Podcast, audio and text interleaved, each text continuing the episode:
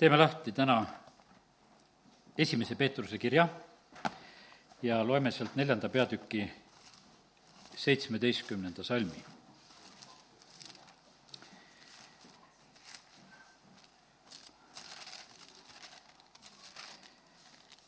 ja siin on öeldud nõnda. sest käes on aeg kohtumõistmisel alata Jumala kojast. Aga kui esmalt meist, missugune lõpp ootab siis neid, kes ei võta kuulda Jumala evangeeliumi? selle sõnumi ma sain tänasel hommikul.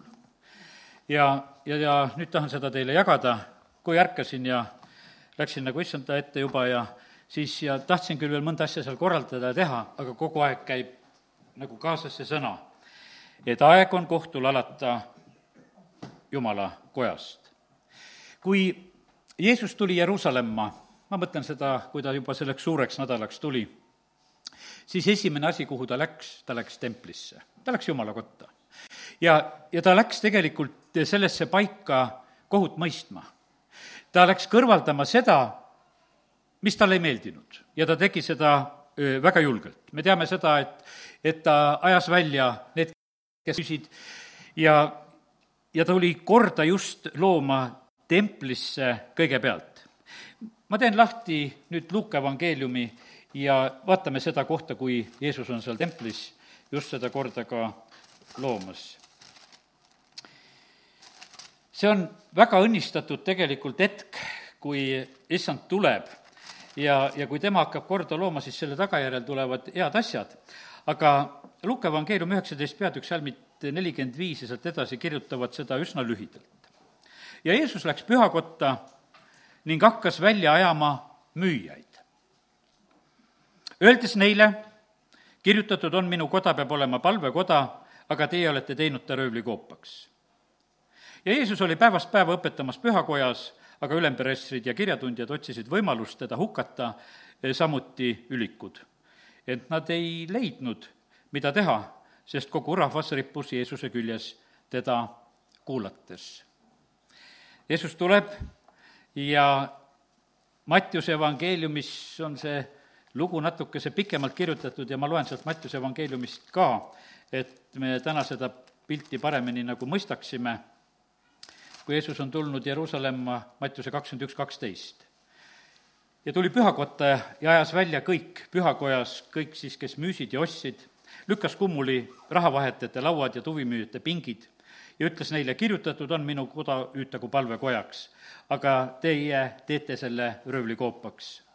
pühakojas astus ta juurde pimedaid ja jalutuid ning ta tegi nad terveks kui ülempreestrid ja kirjatundjad nägid imesid, mida Jeesus tegi, ning poisse, kes pühakojas hüüdsid Osianna Taaveti pojale, siis nende meel läks pahaks, pahaseks. ja nad ütlesid talle, kas sa kuuled, mida nad ütlevad? Jeesus ütles, kuulan küll. kas te pole kunagi lugenud, sa oled valmistanud kiitust väetite laste ja imikute suust? ja ta jättis nad sinnapaika ning läks välja Betaaniasse ja ööbis seal templis toimuv avaldab mõju linnale ja riigile. ja sellepärast issand tegeles templiga esmalt. ja, ja see, mida meie kogudusena siin selles paigas teeme, see kas avaldab mõju või ei avalda mõju, kas avaldab head mõju või halba mõju, see kõik on tegelikult meie kui inimeste käes, kes me ka selles paigas koguduses oleme. kõik, kes olid templis, olid tegelikult kohtu all. ja see kohtu all olemine oli sellisel natukese teisel moel. me näeme sedasi, et issand puudutas neid, kes seal müüsid ja, ja ostsid. noh, ütleme, et Luke evangeeliumis oli öeldud just eriti need, kes müüsid kes olid need tegutsejad templis, kes olid oma tegevuse pannud püsti. külastajad on tegelikult natukene teine lugu. ma usun, et me teeme vahet sellele, et kes on külastajad ja, ja kes on tegijad. ja, ja sellepärast, kallid, nii see on, et, et issand tegeles eelkõige nende tegijatega. meil oli vahepeal see näitlik periood, et kogudusse lubati tulla nendel, kes teevad midagi, teisi ei lubatud. Noh, ütleme selline eh, moment, noh, me ei hakanud ka siin silma kirjatsema, et ütleme, et kõik me teeme midagi, et palvetame ja siis eh, sellepärast oleme kõik siin. Eh, seda me ei teinud, sest nad ikkagi mõtlesid sedasi, et noh, et kes teevad midagi nagu teiste ees. ja me näeme siin, et esmalt Jeesus läks ka nende tegijate juurde kes olid midagi pakkumas, korraldamas just Jeruusalemmas sellel hetkel ka selles templis. ja, ja sellele lisaks oli see olukord, oli ju tegelikult ülempreestri ja kõigi noh, ütleme, ütleme templi juhtkonna lubatud asi. seal kindlasti ei sündinud mitte mingisugust omavoli.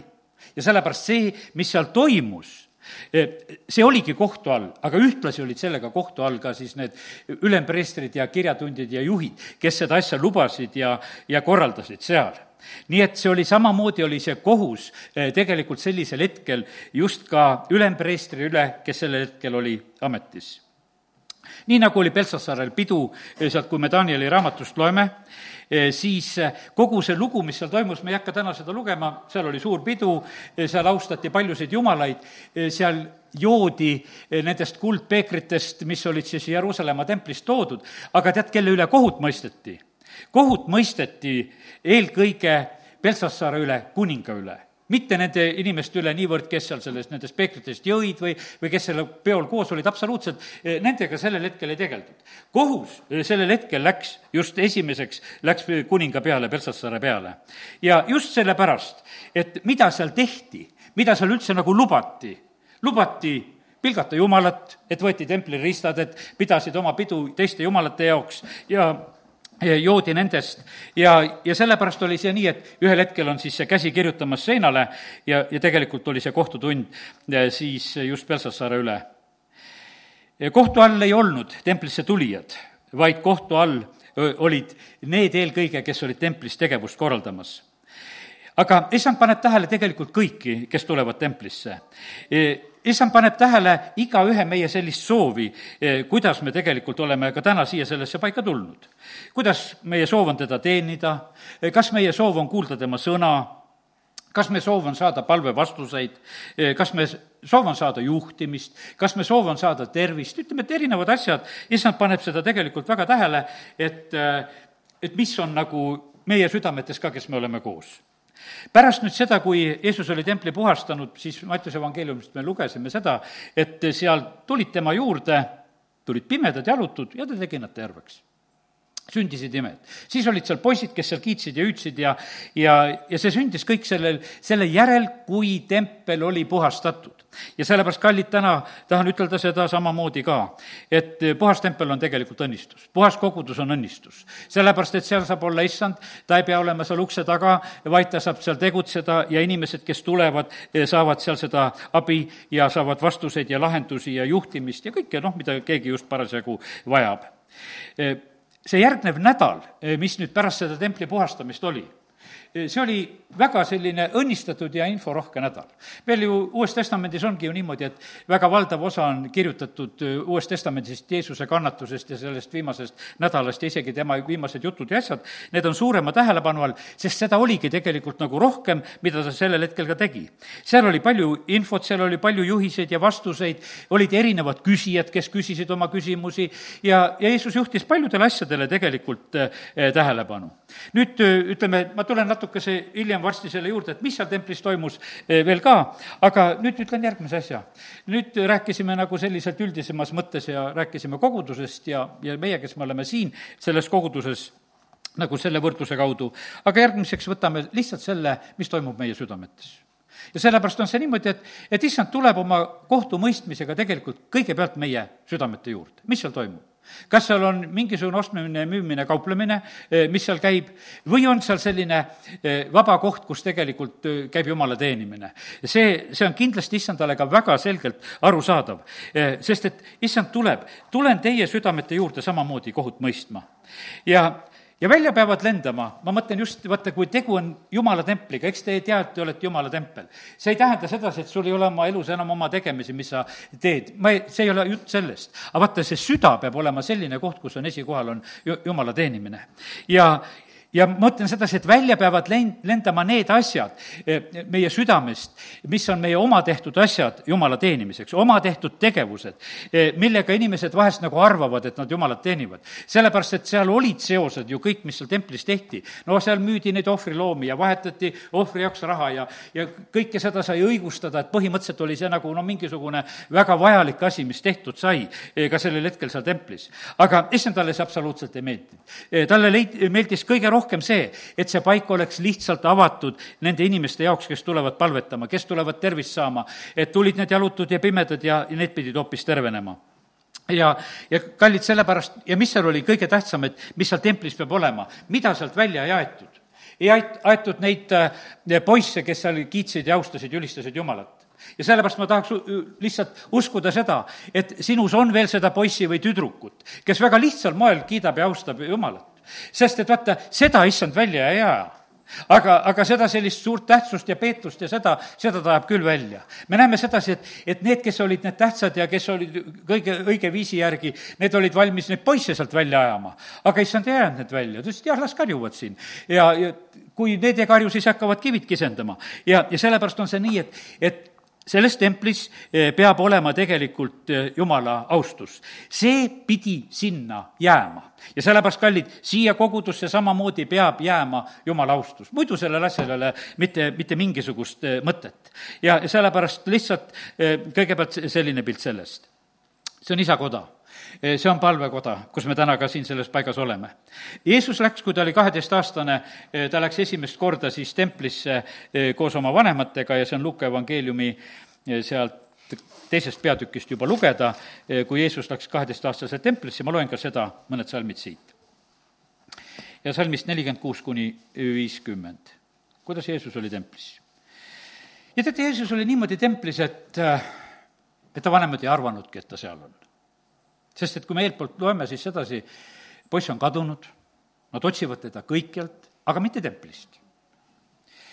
ja kui nad kuskilt teda ei leidnud, eks, siis nelikümmend viis salm ütleb, ja kui nad teda ei leidnud, pöördusid nad tagasi, otsides Jeruusalemma, ja kolme päeva pärast sündis, et nad leidsid Jeesuse pühakojas istumas, õpetajate keskel, neid kuulamas ja küsitlemas Nad otsisid tegelikult teda rahva hulgast, kes oli juba minemas Jeruusalemmast ära ja nad mõtlesid siit ja sealt teda aga nad leiavad ta tegelikult templist. kõik, kes teda kuulsid, olid hämmastunud eh, tema mõistusest ja, ja ta vastustest.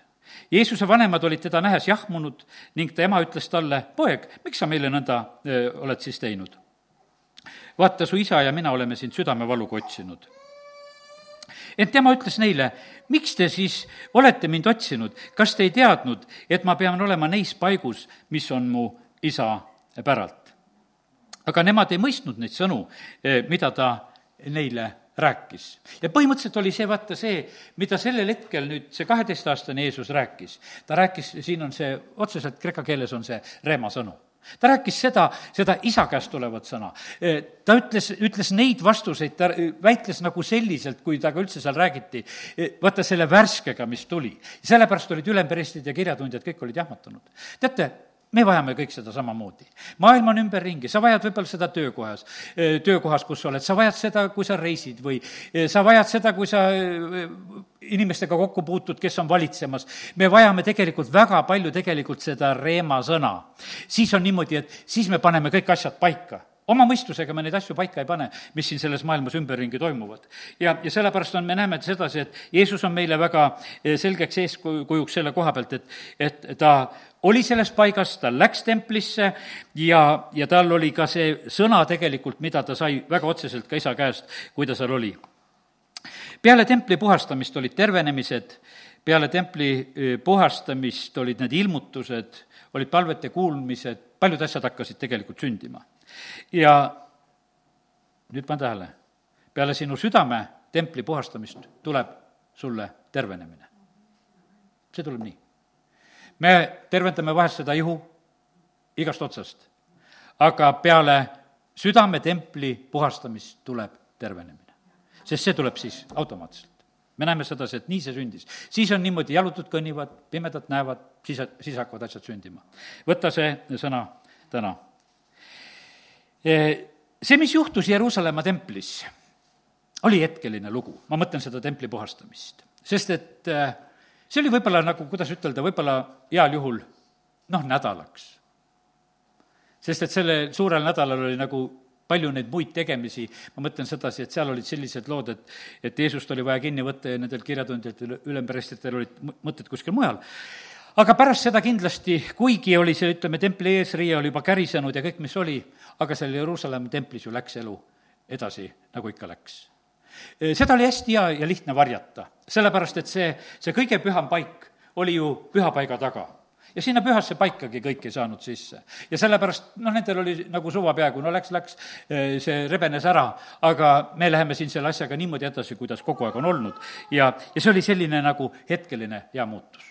ja kallid, me oleme jumala kojas, ma usun sedasi, et sadu kordi on meie elus sellised hetkelised head muutused. me oleme jumala kojas, me saame nagu pihta seda, mis on nagu jumal rääkimas see puudutab meid. me isegi teeme nagu mingis mõttes nagu otsuse ja, ja me näeme, et sellel, sellel päeval, kui Jeesus templit puhan-, puhastas, siis on niimoodi, et isegi sellel päeval ei olnud nendel eh, ülempreestritel ega kirjatundjatel ja variseeritel mitte ühtegi küsimust. Nad küsivad järgmisel päeval, et kuule, mis meelevallaga, mis meelevallaga sa siin eile tegutsesid mis toimus, et eile niimoodi oli? aga sellel päeval nad alistusid ja, ja sellepärast on see niimoodi, et eh, sageli juhtub meiega nii, et me oleme jumala kojas ka eh, ja ja see, see mõjub meile niimoodi, et me nagu päriselt võtamegi nagu selle vastu, usume sellesse ja, ja, ja tahamegi seda muutust. ja aga see hea mõte vahest e, ununeb meil kiiresti. ja, ja peale issanda kõrvaldamist, ütleme siis, kui see suur nädal mööda sai ja Jeesus suurel reedel risti löödi ja peale seda läks ju elu vanas rajas edasi, läksid edasi valetamised, läksid vale-, edasi kõik, sellepärast et noh, templist organiseeriti valetamist valetame, et jüngrid varastasid ta ära, kui Rooma sõdurid jäid magama. no vot, milline tempel. valepesa, kes tegelikult organiseerisid valet ja tegid seda julgelt ja see oli jumala teenimise koht.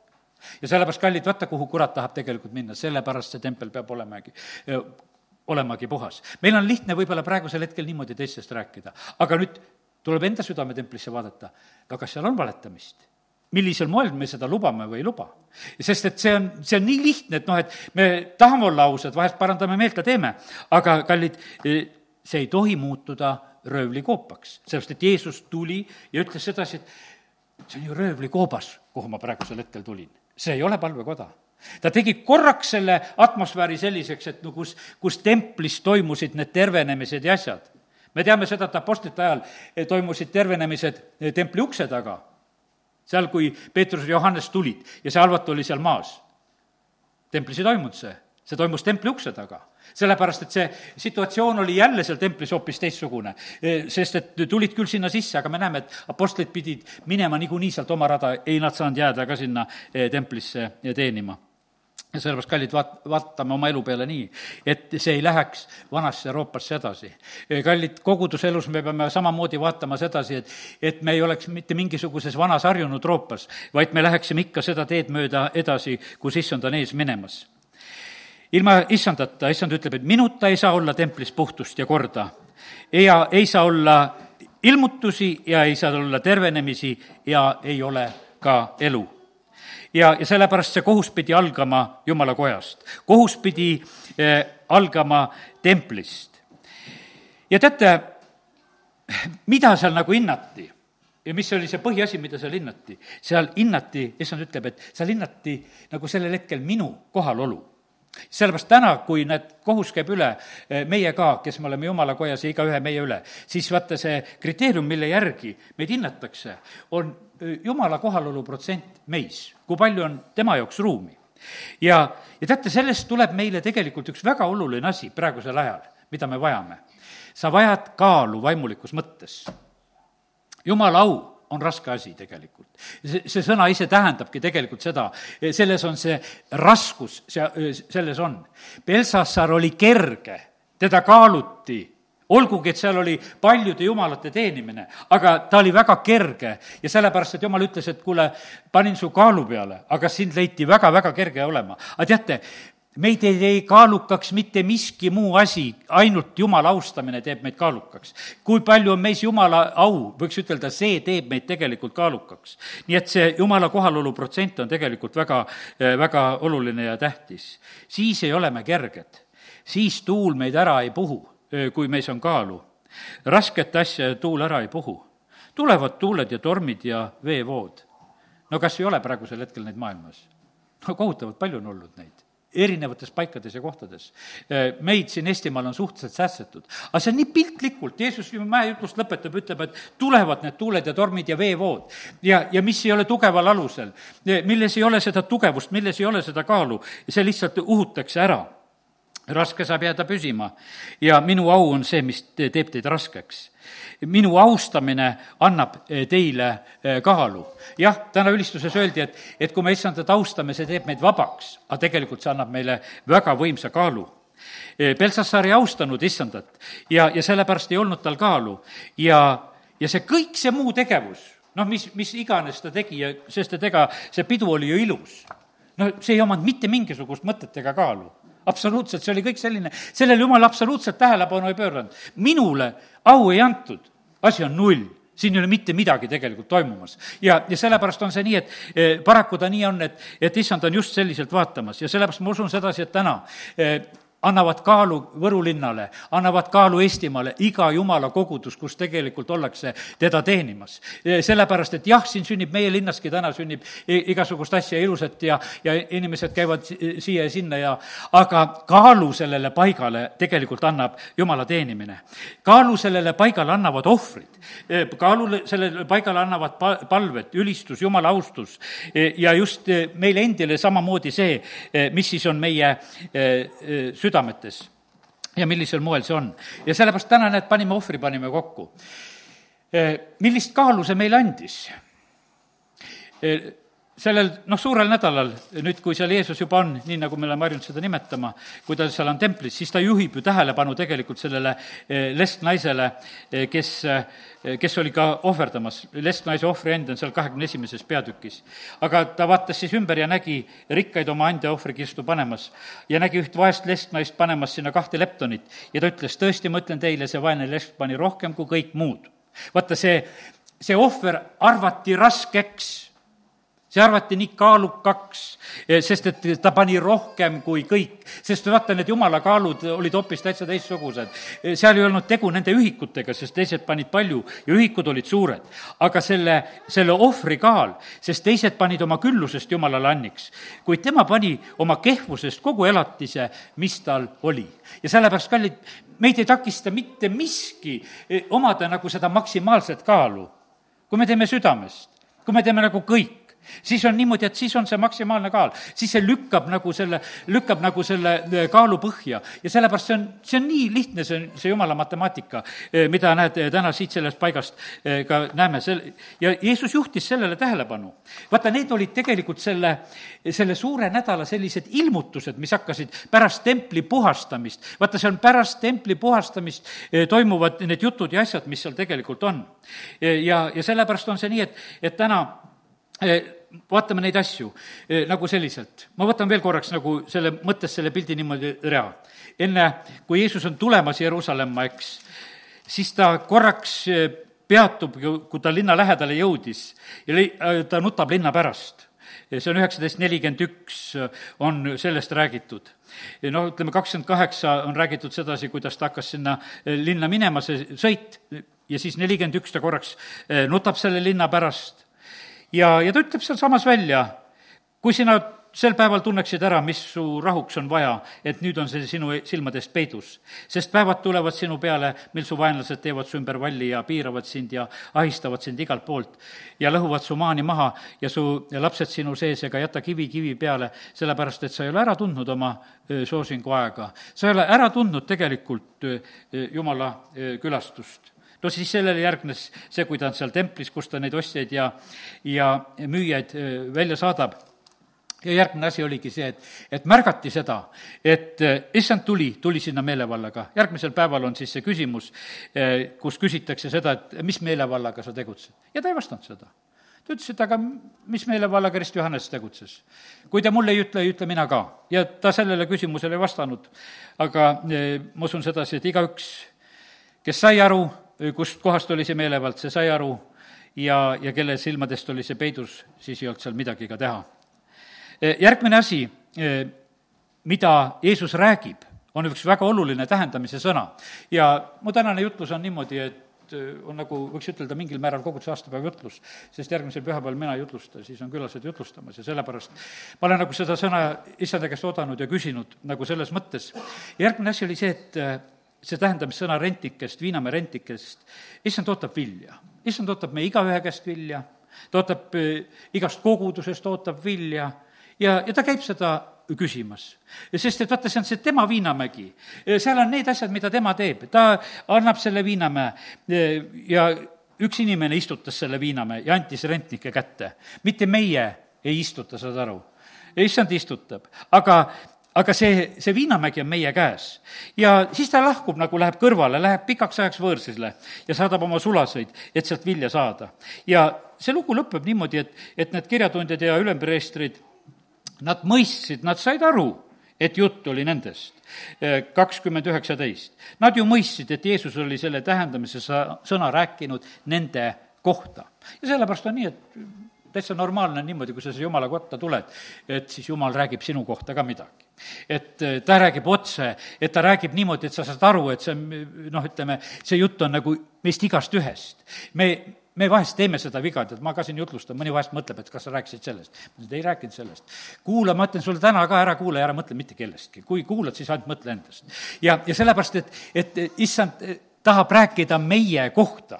aga vaenlane on väga oskuslik kohe äh, nagu sellise pilgu kuskile mujale saatma, et aga mõtle teise peale, mis tühja sa teise peale mõtled. see ei aita sind mitte kui midagi. niikuinii sa ei suuda seda teist inimest ka ära muuta.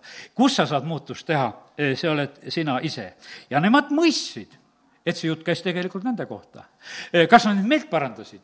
no kurb, et nad tegelikult meelt ei parandanud, sest et nad otsisid sel samal tunnil ikka võimalust pista käsi tema külge ainult kartsid rahvast, sellepärast lükkasid nad seda mõtet edasi nii et issand ootab meie käest vilja ja, ja sellepärast ma usun, et me mõistame seda ka, et ta täitsa seda, eh, seda ootab. ja peame seda mõistma, et äh, ei ole kogudus see koht, kus meie tahe sünnib. ja isegi meie oma elu ei ole see koht, kus meie tahe peab sündima, sest mis sõna ütleb meile? me ei ole iseeneste omad. me oleme kallina kostetud. eks te tea, et te olete püha vaimu tempel. ja et jumala vaim teie sees elab. ja sellepärast on see niimoodi, et me oleme oma elu ära tegelikult andnud. kui me oleme tunnistanud Jeesuse oma isandaks, siis on see tegelikult väga, väga, väga suur eh, muutus, mis on meie eludes toimunud. me vahest ei anna sellest niimoodi aru. me ütleme, et Jeesus on isand ja siis oleme ise suured isandad ja elame oma elu. aga täna tuletame seda meelde, et, et meil on isand, kes ootab meie käest vilja ja ja päris tõsiselt seda ootab.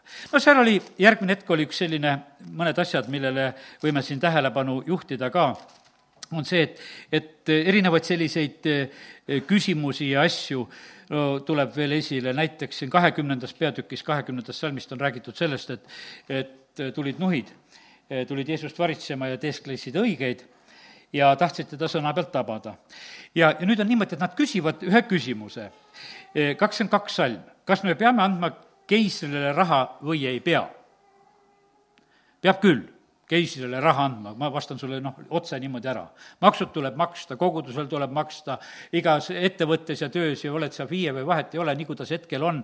no kuidas on, kas see on hea, ma ei ütle täna sedasi, et kas need on õiglased, need asjad, ma ei räägi sellest. aga ma räägin sellest, et, et maksu tuleb maksta. ja nüüd on niimoodi, et need tulid, sellepärast et eks need e, tulid varitsema teda ja nad olid ju see tegelikult seal opositsioon, selle, ütleme, selle okupeeritud võimu all, nad olid okupeeritud okupeeritud ja, ja siis oli selline lugu, et nad mõtlesid, et nad ei taha oma okupeerijatel seal raha maksta ja, ja siis nad nende küsimustega käisid, et kas, kuule, keisrile peaks ikka andma raha või mitte. see kakskümmend, kakskümmend kaks. Jeesus märkas nende salakavalust ja ütles neile, näidake mulle teenerit. kelle pilt ja kiri seal on? ja nemad ütlesid keisri. Jeesus ütles neile, andke siis nüüd keisrile keisri oma tagasi ja jumalale jumala oma et ta pani kõik need asjad paika. ja sellepärast täna näed, me oleme siin, me oleme juba seda Jumala oma teinud, me tulime, ohverdasime ja, ja kiitus Jumalale selle rahva eest, kes on ohverdamas ja tegemas ja, ja, ja, ja need kes interneti kaudu teevad, Jumal on tegelikult seda kõike tähele panemas ja me toome seda issandale. aga sealsamas on tegelikult, on see nii, et, et, et ka need riigimaksud, asjad, need peavad samamoodi korras olema tead, jumal ei õnnista meie elu, kui me valede asjadega tegeleme, sellest ei tule välja. siin üks kümnise tunnistus alles hiljuti, no abikaasa kuulas ühte meest, kes, no üks ettevõtja, ma ei, isegi ei tea, kus maalt oli, vahet ei ole, aga oli selline, kes no oli usumees ja siis ta hakkas oma kümnise osa üle ise otsustama. kallid, kümnis kuulub Jumalale, kümnise üle meie ise ei otsusta see on, see on selline asi, vaata, selle annad niimoodi ära, sa annad selle jumala riigile ja, ja vahet ei ole sellega edasi, mis seal nagu toimub sellega, et, et seal on vastutus nendel, kelle käes see on, kuidas sellega toimetatakse. aga tema oli selline ärimees, ta mõtles seda, tead, ma hakkan oma kümnist korjama iseendale, et, et siis ma otsin, kus ma hakkan head tegema sellega. ja ma tean, et osad inimesed teevad niimoodi, et nad panevad oma kümnise küll kõrvale, aga siis nad mõtlevad, et ei tea, siia või sinna ja siis on igavene tegu selle asjaga, et mida sellega teha. ja see mees mõtles samamoodi ka. ta äri läks nii alla ja, ja noh, ütleme, ta tegi seda kas üheksa kuud, kus ta sellist oma kümnist niimoodi korjas, lihtsalt oma äranägemise järgi, mõeldes, et ta varsti teeb ühe suure summaga ühe toreda teo, et noh, et siis on ikka kui mõju ju näha ka, kui midagi teed juba. aga sellel ajal jumal lasi tal kõik selle äril minna. ja, ta nagu küsib Jumala, miks mul halvasti läheb, miks mul halvasti läheb, Jumal ei räägi ka temaga mitte kui midagi, vaikus tegelikult majas. no lõpuks ta sai sellest asjast aru, eh, parandas meelt, läks, viis oma kümnise ära, viis kogudusse, siis kolme nädalaga olid kõik olukorrad taastunud, seal, kus oli kõik nässu juba läinud. Jumal lihtsalt tõmbas sellest august, august ka välja. ja sellepärast on see niimoodi, et kallid, Jeesus, kui ta on sellel eh, viimasel nädalal seal, mis ta on seal templis, ta räägib väga selgeid juttu. ta ütleb, et asjad olgu korras, olgu keisri ees korras ja asjad olgu korras Jumala ees. ja, ja need on väga niisugused olulised asjad, millest ta, eh, ta, ta rääkis. siis ta teadis sedasi, et, et eh, et seal templis on neid inimesi, kes on puhtauskmatud, kes ei usu üldse ülestõusmist. sest et ega kristlaste hulgas, kui on tehtud küsitlusi, ega, ega kõik ei usu paljusid asju. Nad käivad kogudustes hoopis teiste asjade pärast. sest et noh, koguduses on üks asi, et on nagu mingisugune rahvas on koos, kellegiga on sul nagu sõbrustada, koos olla või, või noh, ütleme, et igasuguseid muid asju võib olla. või mis asi meeldib, et meeldivad laulud või, või ma ei tea, mis iganes, mis iganes meeldib, noh, nooredki käivad noortegrupis, kui noortejuht meeldib. aga kui ära abiellub ja siis enam tüdrukutele see noortejuht ei meeldi, siis nad lähevad kuskile mujale. sellepärast, et noh, no see on, sest et ta nii käib, noh, elu on lihtsalt selline ja neid põhjuseid ja neid neid on siin ka olnud, neid ka. kui teine tüdruk siin kogudusest meeldis ja kui see enam siin ei käi, siis ei käi see poiss ka enam siin. sellepärast, et ja no milles on siis küsimus, sa võid ju alati teda tänava pealt kutsuda, et miks sa kogudusse ei tule. no aga tema jumalat ei ole kohal. noh, sellepärast, et see läks kuskile mujale. ja, ja sellepärast, kallid, see on nii, nii selge, mis on. ja Jeesus teadis, saduseridel meeldib templi ümber toimetada. Nad olid ühed templi elukorraldajad seal tegelikult aga nad ei uskunud ülestõusmist, nad ei uskunud igavest elu, nad ei uskunud üldse. Nad ei uskunud, võiks ütelda, jumalat ei uskunud. aga tempel meeldis. ja nüüd huvitav koht. mis sulle meeldib tegelikult? kas sulle meeldib see jumal, eh, kellest tundub nagu kasu olevat siin selles elus või usud sa igavest elu? sest Paulus ütleb väga selgesti sedasi, et me oleme kõige armetumad inimesed. kui sinu motiiv on seotud ainult nende päevadega, mis sul on siin, kui sa ei mõtle selle igaviku ja tuleviku peale, mis on, no siis jumala sõna kuulutab juba selle asja tegelikult mõttetuks, sest sellel asjal ei ole siis nagu seda, seda mõtet. ja sellepärast nüüd nad seal kiusavad, ütlevad seal, räägivad, et, et äh, ühel mehel või ühel naisel oli seitse äh, venda, kõik olid järjest seal abielus ühe naisega, kõik surid ja keegi järglast ei jätkunud ja jätnud ja noh, räägivad oma koomilise loo. ja, ja Jeesus vastab nendele saduseeridele tegelikult väga äh, otse sest et äh, ta ütleb sedasi, kuidas ta vastab. Äh, ma loen siit kolmkümmend neli ja sealt edasi kahekümnendast peatükist, Jeesus ütles neile, selle ajastu lapsed võtavad naisi ja lähevad mehele, aga kes on väärt arvatud olema äh, tolle ajastu osaliseks ja surnuste, surnuist üles tõusma, need ei võta naistega, lähe mehele. ta ütleb, ma juba abiellusin aga see, see oli hoopis, hoopis teine, teine teema eh, siin. ja mis ta edasi ütleb? sest nad enam ei saa surra, nad on ju jumala inglite sarnased, on jumala pojad, olles ülestõusmise pojad. aga et surnud tõusevad üles, seda osutab ka Mooses kidu, kibuvõtsa põõsa loos, kui ta nimetab issandat Abrahami jumalaks, Iisaki jumalaks ja Jaakobi jumalaks. jumal ei ole surnute, vaid elavate jumal, sest kõik elavad temale mm.. Vaata, milline, milline kohtumõistmine käis, et aga millel elad? kas sa elad sellele templi tegevusele? Eh, mul on koguduses olnud neid küll, kes siis käib siin koguduses, kui laulda saab. ja kui laulda ei saa, siis läheb mujale laulma. okei okay., vaata, see, nii, nii täpselt see niimoodi ongi ja sellepärast on see niimoodi, et, et aga issand ütles siin sedasi, et, et kes elavad temale ja ta ütles väga otse nendele saduseeridele, teile meeldib sägendada eh, asja ümber, aga te jumalale ei ela. Nonii, ja, ja siis eh, Jeesus ise viskab küsimuse üles, et no kelle poeg on Messias? kas Taaveti poeg või kuidas sellega? ta ise pani ka niisugust mõtteainet eh, sellel hetkel seal. aga teate, siis ta hoiatab ühte asja. see on nüüd kõik puhastatud templi jutt. ja täna on niimoodi, et kui su süda on puhas, võta see hoiatus ta hoiatab kirjatundjate eest. Lukka kakskümmend nelikümmend seitse on öeldud niimoodi, vaata, või loeme terve selle lõigu, kuidas on kirjatundjate eest hoiatatud. aga Jeesus ütles kogu rahva kuuldes jüngritele, hoiduge kirjatundjatest, kes tahavad kõndida pikkades kuubedes ning armastavad teretusi turgudel ja esimesi istmeid sünagoogides ja esimesi kohti pidusöökidel. Kes neelavad alla lesnaiste majad ja silmakirjaks venitavad palvetused pikaks, nemad saavad seda rängema kohtuotsuse. aeg on kohtul alata jumalakojast ja me näeme sedasi, et, et Jeesus, kui ta e, on sellel nädalal, siis ta nagu kogu aeg paneb nagu seda õigust paika ja ta ütleb sedasi, et kuule, et et nad elavad sellist elu, et nad lähevad tegelikult väga öö, raske öö, kohtuotsuse alla Lestnaise ohvrist juba rääkisime, issand hindab ja paneb tähele kõike seda. ja, ja sellepärast nii see on. Ja täna näed, me oleme rääkinud sellest, et aeg on kohtul alati Jumala kojast. ja see on selline sõnum, mis tegelikult peab puudutama igat kogudust, see peab puudut-, puudutama meid igat ühte. Ja, ja issand, kui ta seal edasi veel räägib, mis ta sellel nädalal räägib, selle juurde nagu põhimõtteliselt ei lähe, ta räägib sellise loo, mis saab templist, mis saab sellest linnast, no seal nutu juures ta juba natukene rääkis välja, et, et ei jää kivi kivi peale, aga hiljem ta räägib ju seal templis veel väga selge ja pika prohvetliku sõnumi eh, Jeruusalemma kohta, maailma ajastu lõpetuse kohta.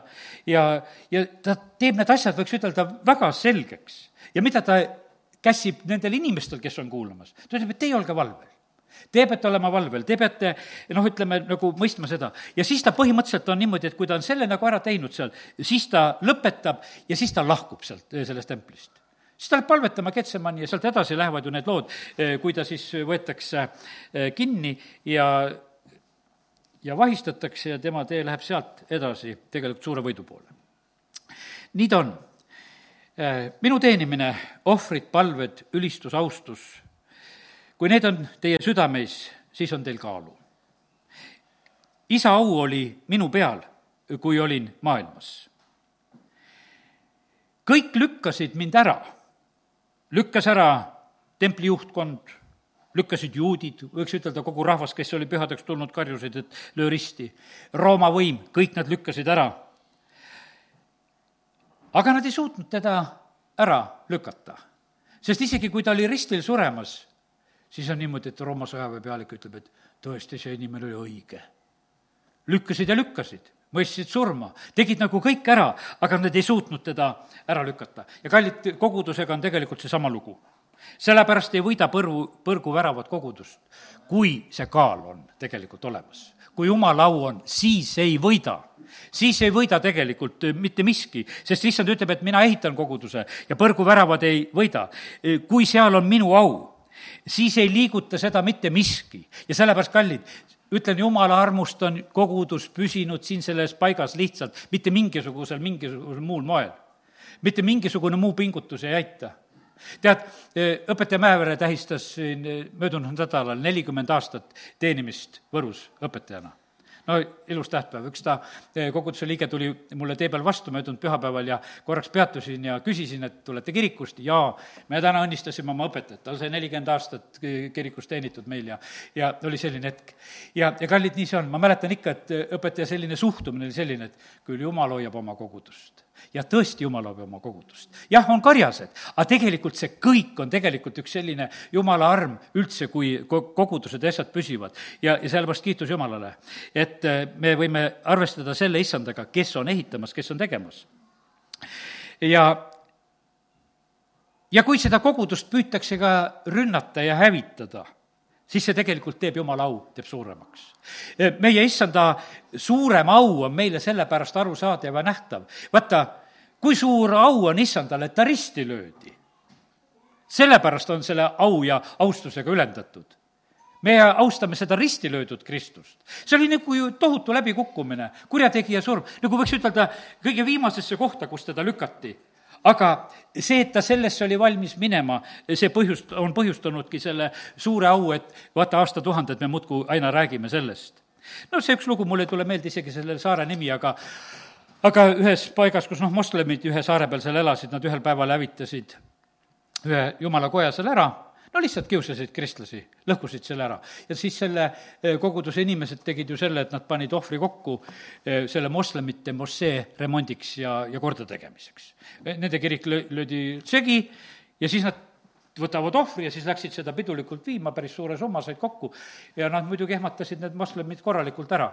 et nüüd teil on kirik katki ja, ja te tulete meie mošeed siin korda tegema tegelikult selle saare peal said kõik kristlasteks, sellepärast et see tegu tegelikult, mis oli. ja sellepärast on see niimoodi, et see igasugune tagakius ja see asi, see tegelikult tuleb õnnistuseks.